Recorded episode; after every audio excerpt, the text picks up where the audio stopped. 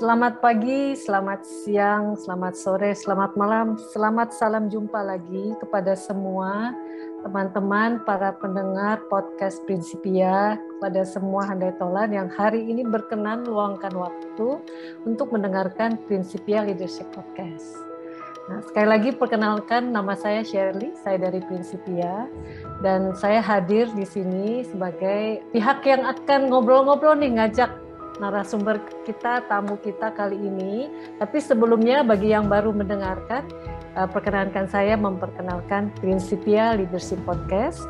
Jadi ini merupakan podcast yang dibawakan oleh uh, para executive coach dari Principia bekerja sama dengan banyak para narasumber, para pemimpin di Indonesia dari berbagai industri yang akan membagikan pengalaman mereka, uh, wisdom, tips-tips untuk pengembangan kepemimpinan bagi seluruh masyarakat Indonesia. Nah, bersama saya hadir, uh, saya seringnya panggilnya Pak Cip gitu, tapi beliau ini nama lengkapnya Pak Ngurah Ciptadi. Ya, benar ya Pak Cip ya? Selamat Semoga siang Bu Serli. Selamat Betul, siang Cip Pak Cip. Iya. Terima kasih Pak Cip udah berkenan meluangkan waktu bersama Prinsipia untuk kemudian sharing banyak hal yang menarik untuk topik kita hari ini gitu ya. Saya belum kasih tahu nih untuk para pendengar topiknya apa gitu. Masih rahasia, tapi saya mau perkenalkan Pak Cip terlebih dahulu ya Pak Cip. Nah, jadi narasumber kita ini Pak Ngurah Cip tadi ini beliau mengawali karirnya itu sebagai guru bahasa Inggris. Jadi long time ago ceritanya gitu ya. Sebagai guru bahasa Inggris di SMA Koryesu Malang, Jawa Timur gitu ya lalu kemudian belajar di IKIP Negeri Malang gitu ya. Nah di Koryesu itu Pak Cip belajar falsafah serviam. Saya juga serviam loh Pak. Yang artinya uh, saya hendak melayani gitu ya. Iya. Ya, lalu kemudian tahun 94 uh, eh, Pak Cip ini bergabung dengan Indonesia Australia Language Foundation Bali sebagai language specialist gitu ya dengan fokus pada pengajaran bahasa Inggris bahasa Indonesia bagi orang asing selain juga menjadi uh, translator penerjemah itu. Lalu Pak Cip juga memilih bisnis Inggris setelah menyelesaikan pendidikan uh, eh, S2 di bidang applied linguistic di Australia gitu. Waduh ini fokus makanya saya kalau dengar Pak Cip tuh kalau ngomong bahasa Inggris, aduh bisa bagus banget ngomongnya gitu. Kalah saya Pak. Banyak masih banyak belajar sama Pak Cip kalau bahasa Inggris.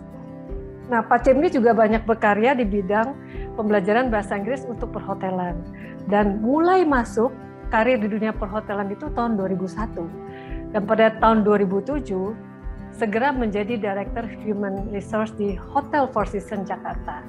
Wah, ini saya ingat sekali perkenalan saya pertama kali dengan Pak Cip juga waktu Pak Cip di Four Seasons ya Pak ya. Ya, dan Four Seasons-nya udah pindah lokasi, uh, saya bersyukur kita masih tetap bisa ketemu bahkan sekarang gitu. Lalu sekarang ini Pak Cip menjadi Director of Talent and Culture.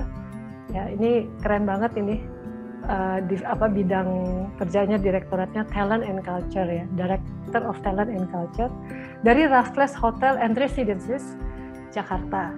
Dan Grace baru aja di tahun ini diberikan kehormatan menjadi Ketua Hotel Human Resource Management Association, AMSI HHRMA Indonesia. Lengkap. Dan sebagai praktisi SDM perhotelan, Pak Cip itu juga sangat dikenal karena passion terutama untuk pengembangan insan-insan para pekerja tim semuanya sebenarnya yang yang berada dalam tanggung jawab wajib itu dengan menggunakan pendekatan-pendekatan kepemimpinan yang positif dan apresiatif. Bahkan salah satu yang membuat Prinsipia juga cepat sekali connect sama Pak Cip ini karena kedekatan dalam eh, menghayati pendekatan psikologi positif dalam kepemimpinan ya Pak Cip ya. Muridnya Prinsipia dong. Aduh. Aduh, Pak Cip ini juga rendah hati banget gitu kalau ngomong tuh. Tapi saya setuju saya juga berguru sama Pak Heng Pak. Iya, saya akan belajar dari Pak Heng tahun iya. berapa? 2008 ya? Kita sama-sama satu perguruan kalau gitu Pak. Leader as coach dulu. Iya. Nah, tema kita kali ini, kenapa kami minta Pak Cip untuk menjadi narasumber?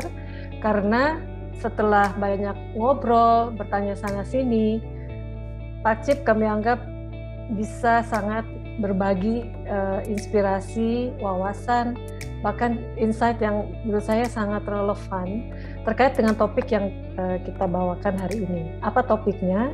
Topiknya adalah mindfulness at workplace, a new way of living the excellence. Gitu. Jadi berkesadaran di tempat kerja yang kita lihat sebagai mungkin cara baru untuk menghidupi kinerja yang excellence gitu ya, yang berkelanjutan. Terutama dalam konteks ini kan kita bicara workplace gitu ya. Tema ini kami angkat, ini sebenarnya juga kalau kita bicara mindfulness ini sebenarnya kan bukan tema yang baru gitu ya. Udah cukup lama mungkin di Indonesia udah bahkan menjadi gaya hidup juga bagi sebagian orang mungkin dalam 5-10 tahun terakhir. Tapi bagi organisasi bisnis menjadi bagian dari budaya atau budaya kerja atau budaya organisasi mungkin baru benar-benar terasa karena pandemi gitu. Dan prinsipnya banyak melakukan riset juga mencoba mendalami ini karena pendekatan kepemimpinan, coaching, psikologi positif yang kami geluti dan kami melihat bahwa peluang mindfulness berkesadaran ini menjadi bagian yang esensial dalam budaya organisasi itu itu rasanya semakin besar lewat pembelajaran kita selama pandemi gitu kan.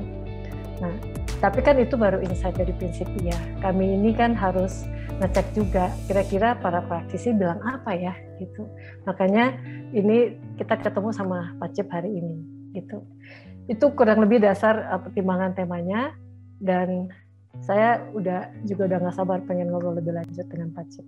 Tapi sebelum kita ngobrol lebih jauh, mungkin Pak Cip waktu dengar pertama kali tentang tema ini untuk kita bicarakan mindfulness di tempat kerja, gimana Pak Cip waktu itu?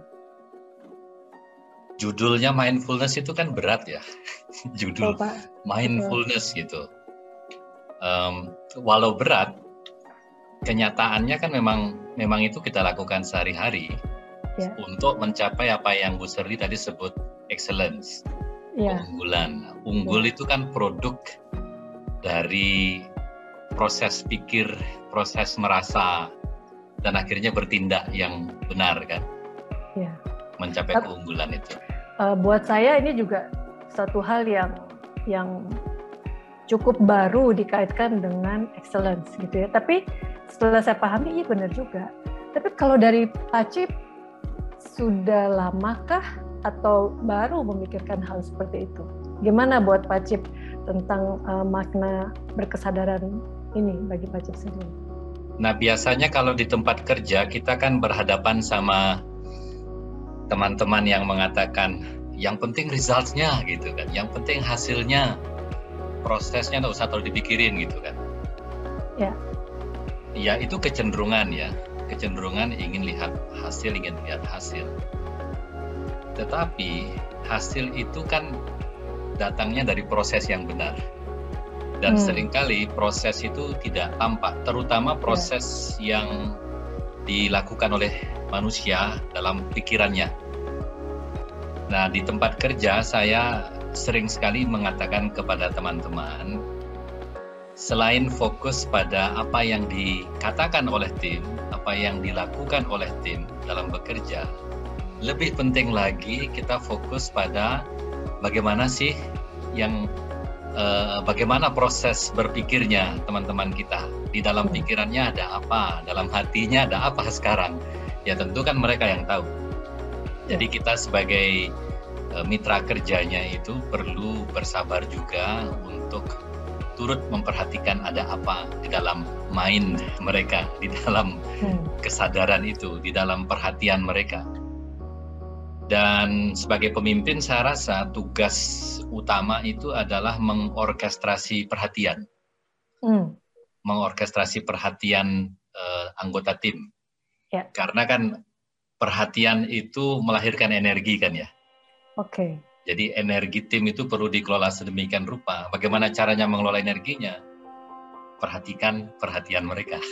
Nah, sebelum kita masuk lebih jauh Pak, ini pasti pendengar mulai bingung nih Pak, yang atau ngelihat video gitu ya. Ini maksudnya yang dimaksud dengan oleh Pak Cip tentang mindfulness atau berkesadaran apa sih? gitu. Oke. Okay. ini udah dikaitkan sama apa bedanya dengan walk the talk, apa bedanya dengan ya fokus pada tujuan gitu.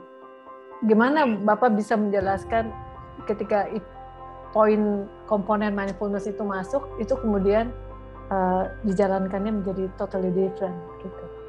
Ya umumnya kan teman-teman mendengar mindfulness, berkesadaran itu kan membayangkan kegiatan bermeditasi gitu kan ya. ya. Hmm duduk di tempat yang sunyi dengan dengan dengan posisi duduk yang khusus, uh, kemudian belajar tarik nafas, tahan nafas dengan musik ya. gitu kan?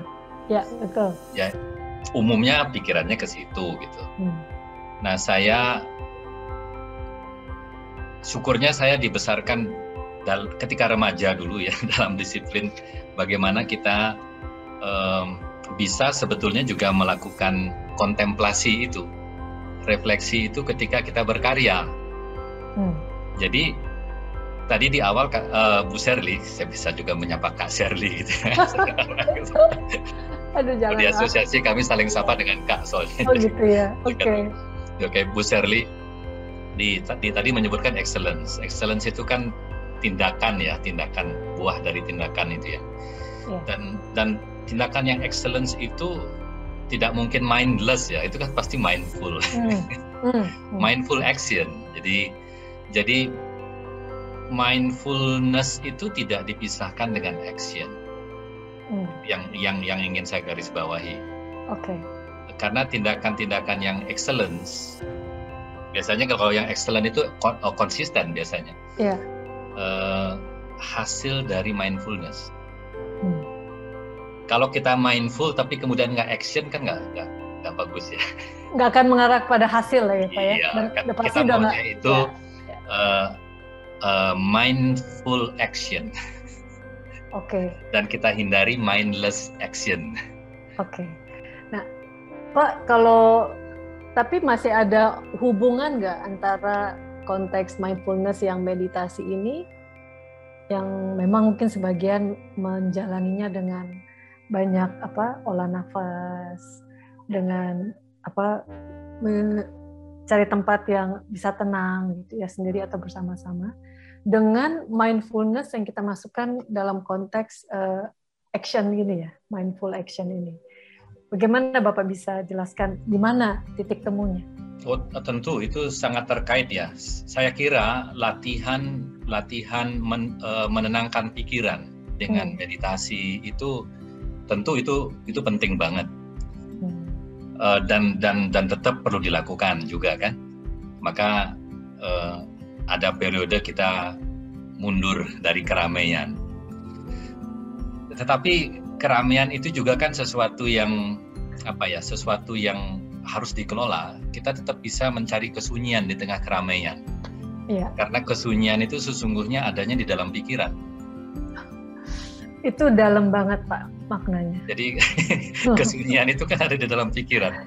Yeah. Bayangkan dalam kegaduhan, ke kegaduhan. Misalnya kalau kami ya uh, uh, di, di di di front desk lagi gaduh, check in, banyak tamu datang, mungkin ada kamar yang belum siap, hmm. tamu sudah mulai mengeluh gitu ya. Ada yang nih kok kamar saya belum siap. Uh, gimana kita bisa tetap tenang di situ? tetap tenang. Kan sunyi itu ada di dalam pikiran. Hmm. Dan sebaliknya juga, kalut dan keramaian itu kegaduhan juga bisa terjadi ketika kita dalam suasana yang sepi. Ya, ya. Nah, jadi kemampuan berkesadaran itu sebetulnya arahnya kan ke situ. Kita tetap bisa tenang, bisa bisa berpikir jernih, merasakan dengan jernih, sehingga akhirnya bisa menentukan sikap dengan tepat. Hmm. Ya, itu jadi di sini Bapak memaknai mindfulness ini sebagai suatu kondisi ya Pak ya, di mana satu situasi di mana kita bisa berpikir dengan tenang, dengan jernih. Kalau tadi Bapak bilang tidak kalut ya, dan sehingga dari situ bisa menghasilkan tindakan yang tepat. Nah, tapi kan katanya katanya nih Pak bagian dari mindfulness itu berkesadaran itu juga ketika kita mengamati tanpa judgment. Kita melihat, memperhatikan, hadir tanpa judgment. Itu gimana Pak? Sulit lah kita tidak melakukan judgment di tempat kerja Pak. Ya, maka istilahnya itu kan bukan tanpa judgment sebetulnya kan, tapi hmm. suspend. Hmm. ah, oke. Okay. Kata kuncinya di suspend judgment. Iya, karena kan judgment itu kan pasti itu ya, dia pasti datang ya, karena kita. Yeah. Karena itu sebetulnya the power of mind justru kan, kekuatan hmm. pikiran itu adalah antara lain menilai. Dan nafsu menilai itu kadang menjadi sangat kuat. Yeah. Terutama ketika kita uh, punya keyakinan yang yang yang cukup berlebih lah kalau menurut saya berlebih keyakinan berlebih. berlebih akan apa yang kita tahu itu benar atau bahkan lebih benar dari orang di sekitar kita. Jadi mindfulness yang pertama saya rasa langkah satunya adalah menyadari menyadari itu, menyadari bahwa saya punya kebutuhan, saya punya keinginan untuk merasa benar. Hmm. Kemudian itu yang kita tahan toh, suspend. Yeah, suspend Ya. Uh, uh, jadi kalau ibarat naik mobil itu biarlah giginya netral dulu lah. Jadi kalau judgement itu kan udah mau masuk gigi satu gitu. Iya, iya, iya. Ya. Mau, mas mau masuk D gitu. Ya, ya kita di N saja lah. Jadi idle gitu ya. Gimana kita buat pikiran kita itu idle sehingga kita akhirnya bisa bisa betul-betul akhirnya mengarahkannya kemudian untuk memahami bukan untuk menghakimi. Tapi langkah pertamanya harus idle dulu lah. Idle kemudian masukkan gearnya itu gear untuk memahami, mendengarkan. Itu ternyata okay. tidak tidak mudah. Nah di situlah saya kira latihan latihan mindfulness di tempat kerja memerlukan role play seperti itu di dalam diskusi-diskusi ya. Oke, okay, nah, Itu ada yang bicara. Coba sekarang kita, ayo kita semua, ayo angkat nih pakai poster nih apa itu suspend judgment gitu. Oke, kita oh, rasakan. Oke, okay. ini gigiku udah netral belum ya? Gigi gigi pikiranku okay. itu sudah netral atau belum? Kemudian baru masuk gigi gigi satu untuk memahami. Yeah. Fokus okay. mendengarkan yang sedang berbicara okay. dan menghormati kan? Ya. Yeah. Ya kita hanya bisa menghormati apa yang dikatakan orang, apa yang kita lihat ketika kita netral tadi. Hmm. Ya, oke Pak. Terima kasih banget penjelasannya. Buat saya itu juga jadi pembelajaran juga. Jadi kalau kita bicara mindfulness itu kita bicara soal berkesadaran, bagaimana kita bisa hadir, fokuskan perhatian kita, bukannya kita nggak punya penilaian, tapi kita suspense atau menahan kita punya penilaian, mendengarkan, memahami terlebih dahulu, baru kemudian dari situ kalau itu ada tindakan, kita bisa benar-benar memastikan tindakan itu suatu tindakan yang mindful ini menarik kalau kita masuk mindfulness at workplace. Nah, salah satu juga yang menjadi ketertarikan uh, saya pribadi dan mungkin juga dari para pendengar, kalau di hotel itu kan kita bicara bisnisnya itu bisnis pelayanan lah gitu ya Pak. Orang mesti ramah lah pasti. Itu nomor satu pelayanan itu nomor satu. Walaupun sebenarnya sekarang di the whole organization itu sebenarnya service itu juga mau di back end juga harus punya mindset service gitu ya. Nah, tapi saya punya kecurigaan kalau back end itu di hotel mungkin juga penuh tantangan juga gitu ya karena begitu banyak kan yang harus dilakukan untuk menghasilkan suatu uh, service yang kamu harus selalu put attention, ramah, senyum kepada customer apa pun yang saya rasakan gitu kan. Itu kan back endnya mesti memang bisa menghasilkan itu secara otentik kalau nggak bisa gitu ya. Nah nanti di segmen kita yang berikutnya saya mau ajak Pak Cip untuk kalau boleh sharingkan soal itu supaya kemudian bagi teman-teman yang mendengarkan bisa juga menghayati bagaimana mindfulness ini dilakukan bahkan dalam keseharian di balik pintu bisnis atau ruang-ruang bisnis, ruang-ruang meeting di perhotelan gitu ya Pak ya, di organisasi perhotelan gitu.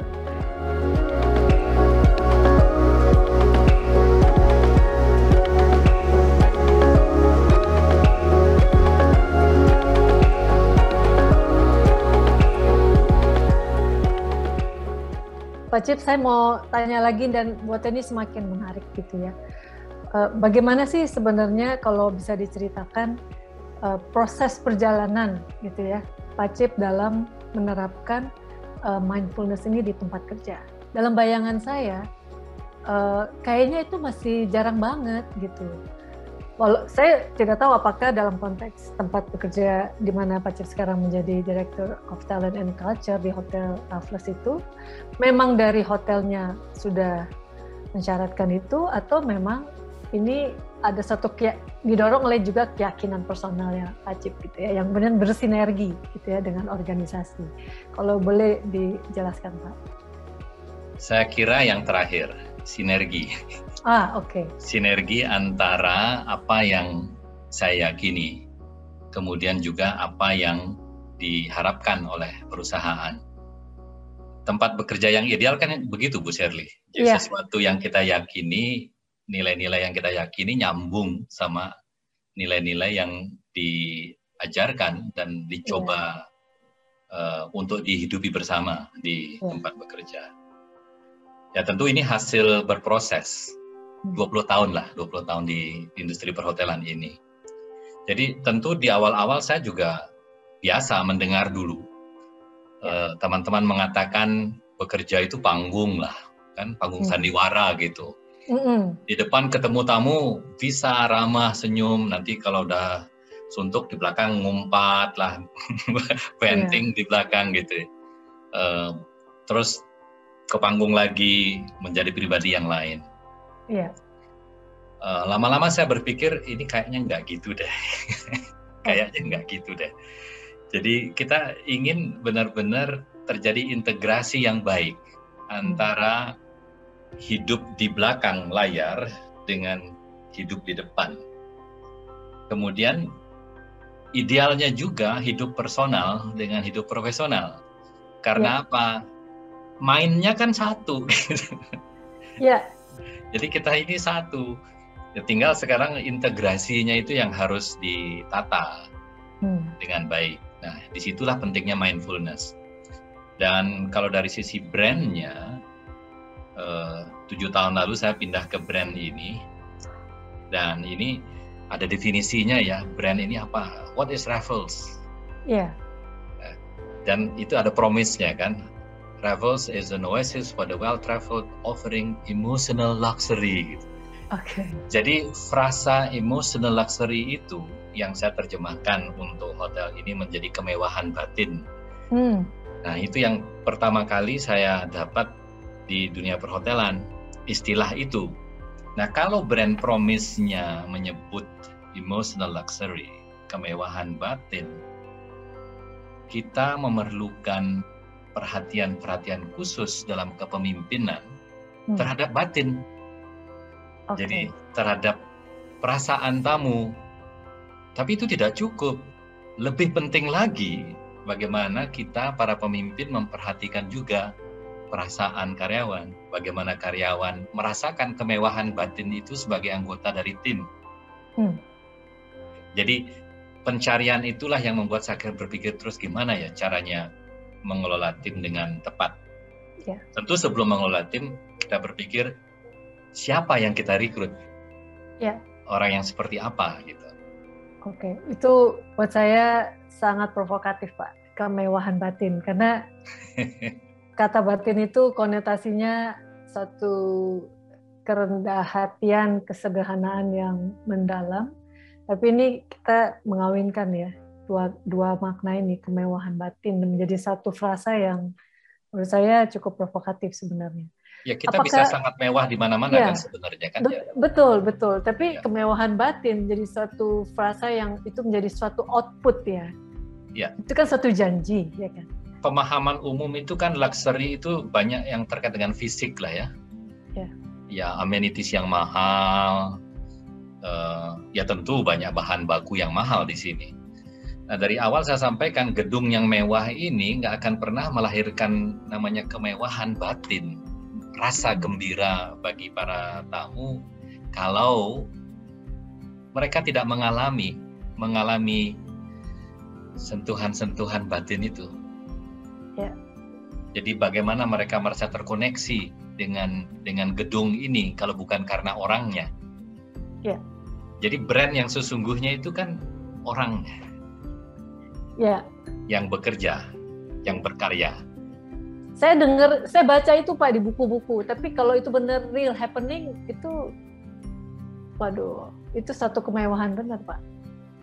Waktu Bapak menjalankan itu, apakah nggak dibilang orang aneh Pak oleh para karyawan? Saya tidak pernah sih dikatakan aneh itu enggak sih karena hmm. karena kan memang dari awal ya ketika kita rekrutmen kita mengatakan ini brand promise kita. Kemudian kita juga uh, bahkan sampai ditulis di kontrak ya kita menyebutkan oh, ini ini wow. choice pilihan. Jadi, Jadi sejak awal dari bapak ya. proses rekrutmen itu bapak mencari orang-orang yang memang value-nya bisa cocok ke sana. Iya itu kan bagian awal dari rekrutmen ya. Jadi ya. Uh, kecocokan.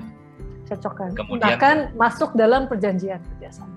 Iya iya masuk di perjanjian kerja tentang pilihan dan juga akhirnya uh, kesanggupan juga untuk terus menyelaraskan menyelaraskan uh, panggilan tadi panggilan yeah.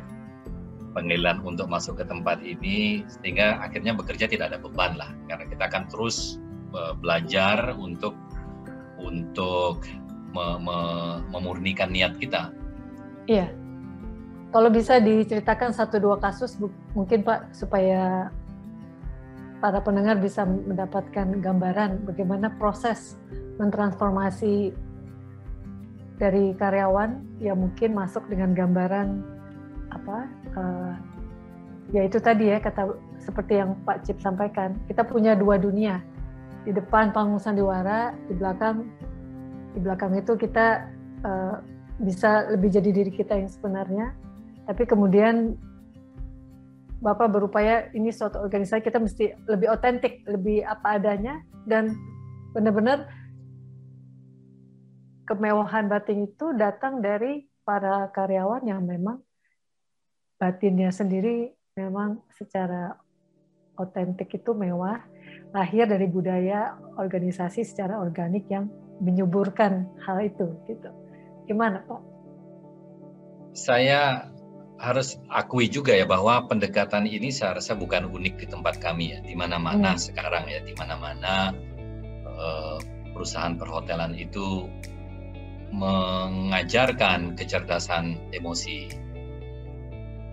eh, mengajarkan bagaimana caranya membuat pengalaman-pengalaman yang istimewa kepada para tamu sehingga tamunya datang dan datang lagi menjadi penggemar yang setia dan datang belanja bukan karena murah tetapi karena ya karena senang gitu yeah. bahkan itu siap membayar mahal gitu kan karena yeah. yakin dapat dapat pengalaman yang istimewa. Yeah. Mulainya dari mana? Tadi saya katakan kan semua mulai dengan siapa yang kita rekrut. Yeah. Supaya kita mendapatkan talent yang otentik. Jadi yeah. dia tidak melihat tempat kerja itu sebagai panggung sandiwara.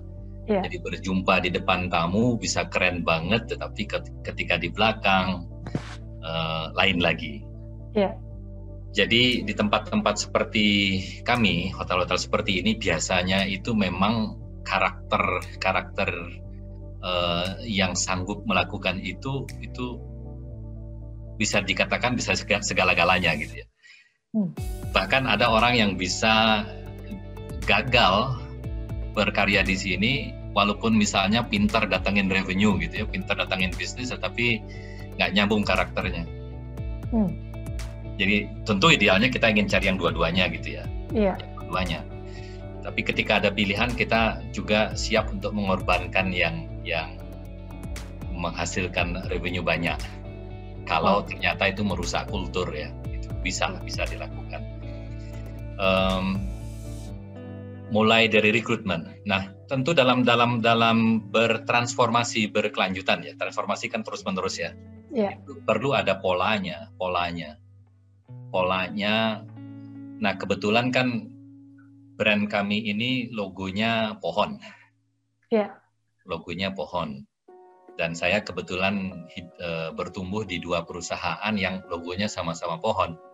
Oke. Okay. Dan itu juga nyambung banget dengan apa yang saya yakini tentang pertumbuhan. Kalau kita bicara tentang pertumbuhan, kita bertumbuh ya seperti pohon itulah Jadi ada akarnya, ada batangnya, ada ranting, ada daun, ada buah. Buah itu hasilnya kan ya. Iya. Dan itu tetap harus menjadi perhatian terus-menerus. Jadi proses mindfulness itu kan ke sana sebetulnya bagaimana ya. kita shifting perhatian kita dari yang tampak ke yang tak tampak. Hmm. Jadi kalau kita misalnya cerita tentang seorang kan dengan seorang kandidat tentang pengalaman kerennya melayani seseorang. Di masa lalunya, sekarang kan ngetrend toh dan itu masih relevan lah kita behavior based interviewing kan. Ya. Yeah. Tapi tidak hanya bertanya tentang tentang tentang pengalaman masa lalunya, yang lebih penting lagi adalah bagaimana dia memaknai pengalaman itu. Yeah. Jadi kita dapat itu akhirnya reflective thinkingnya ya, kemampuan dia hmm. untuk berefleksi, kemudian menggunakan hasil refleksinya itu untuk bertumbuh, untuk mengulangi lagi perilaku-perilaku baik itu. Karena perilaku yang bagus itu akan berulang ketika juga dilengkapi dengan dengan refleksi ya. Ya, sangat ya. setuju ya. Pak. Ya. Jadi itu yang yang praktek-praktek itu yang ingin kami terus kembangkan, refleksi tentang hmm. apa yang keren. Bagaimana kita membuat itu menjadi lebih keren lagi. Ya tentu yang kurang keren dipikirkan juga. Hanya saja kan kita fokus pada strength-nya, yang keren itu apa? Itu melipat gandakan yang keren itu kayaknya lebih lebih lebih berdampak lah. Oke. Dan pendekatan ini juga Pak Cip lakukan uh, di tengah-tengah meeting keseharian dalam juga menjalankan perusahaan kan pasti banyak peraturan ya Pak ya kebijakan. Gitu. Uh, gimana Pak itu menerapkan konteks berkesadaran sementara tuntutan tuntutan ya Pak quote unquote SOP, SLE, atasan mesti bilang begini, bilang begitu gitu. Mana mungkin saya punya kesadaran sendiri, oh, banyak benar yang punya ekspektasi terhadap saya gitu. Gimana menumbuhkan mindfulness di tengah organisasi yang memang mau pasti banyak aturan. Ya, aturan itu pasti banyak. Dan bagi orang yang sudah memang menghidupinya, aturan itu nggak terasa kan? Hmm. Nggak terasa sebagai aturan. Aturan itu menjadi berat ketika kita lihat dia sebagai kekangan. Ya kembali lagi ke rekrutmen tadi. Betul, Dan, tapi persis Pak di sini. Saya jadi seru nih Pak diskusinya. Persis ketika peraturan itu menjadi bagian dari kebiasaan, itu kan berarti orang udah mulai nggak mindful, Pak. Karena dia udah otomatis kan. Sebentar. Jadi mindful, mindful, mindful itu um, ini pertanyaannya memang sulit ini. Katanya kalau lalu kalau orang sadar lakukannya itu di semacam otomatis, itu berarti dia nggak mindful gitu ya? Ya, apa artinya kalau kita bicara ya itu udah unconsciously itu memang bawaan spontan saya itu udah ya memang begitu saya lakukannya. Itu kan berarti dia tidak melakukannya dalam kesadaran ya. Uh, saya melihatnya justru itu buah dari kesadaran yang sangat bagus. Ah oke, okay. gimana tuh Pak penjelasannya? Itu buah ya, jadi pembelajaran yang bagus, ke, eh, kemudian ketika akhirnya dia menjadi sesuatu yang otomatis dan itu bagus, uh, dia sudah melampaui proses yang betul-betul conscious, eh aku mau berkesadaran dulu, gitu ya. jadi, bukan itu yang sahabat, tapi karena itu sudah menjadi bagian dari dia, okay. fokusnya dia untuk berkesadaran yang tadi itu. Uh, pada hal yang lain ya yang lebih yang lebih yang lebih unggul lagi tapi hal-hal yang basicsnya itu sudah menjadi otomatis sehingga dia berfokus lalu mengarahkannya pada hal-hal yang lain kan setiap hari selalu ada tantangan untuk pause and reflect selalu ada selalu ada nah kalau orang yang sudah sudah melampaui level-level yang sangat dasar dia tidak akan dipusingkan lagi dengan dengan hal-hal yang yeah. dasar sebagai aturan sehingga yeah. dia fokusnya yeah. pada hal yang beyond yeah. beyond kan yeah. yang melampaui harapan-harapan okay. minimal jadi okay. contoh misalnya kalau di hotel uh, standards itu kan kita definisikan sebagai minimum expectation ekspektasi hmm. minimum nah di luar yang minimum itu sangat unik setiap perjumpaan dengan tamu atau setiap service event itu membutuhkan kesadaran. Kesadaran hmm. yang unik juga terkait dengan konteksnya, berhadapan dengan siapa, memperhatikan okay. tamu itu. Nah, keterampilan berkesadaran itu dibutuhkan di sana.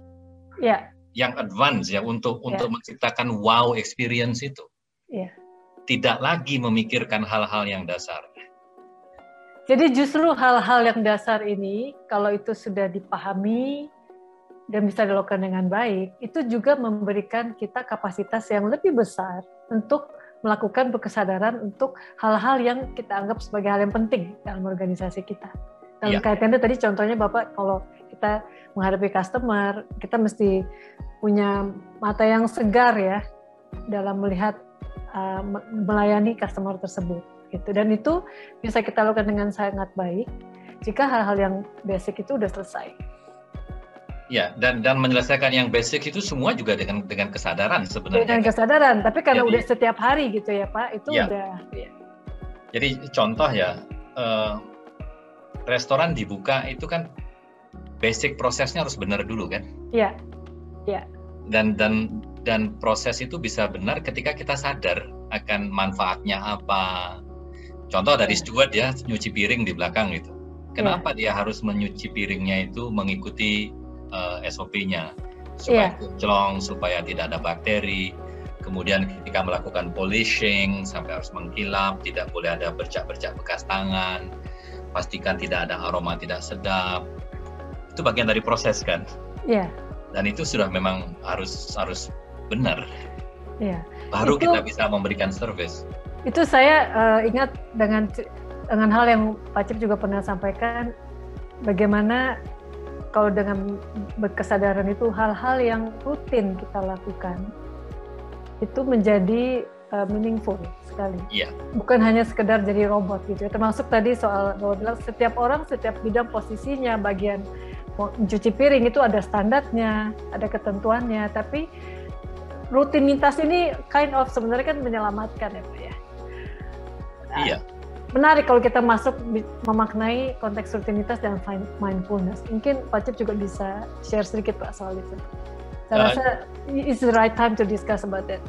Saya kira uh, penting ya untuk untuk kembali lagi memaknai hmm. prosedur itu supaya mereka tidak hanya melakukan uh, hanya untuk prosedur gitu. Yeah. Jadi apa pun yang dilakukan itu ada tujuan besarnya, adalah bagian dari cita-cita besar bersama.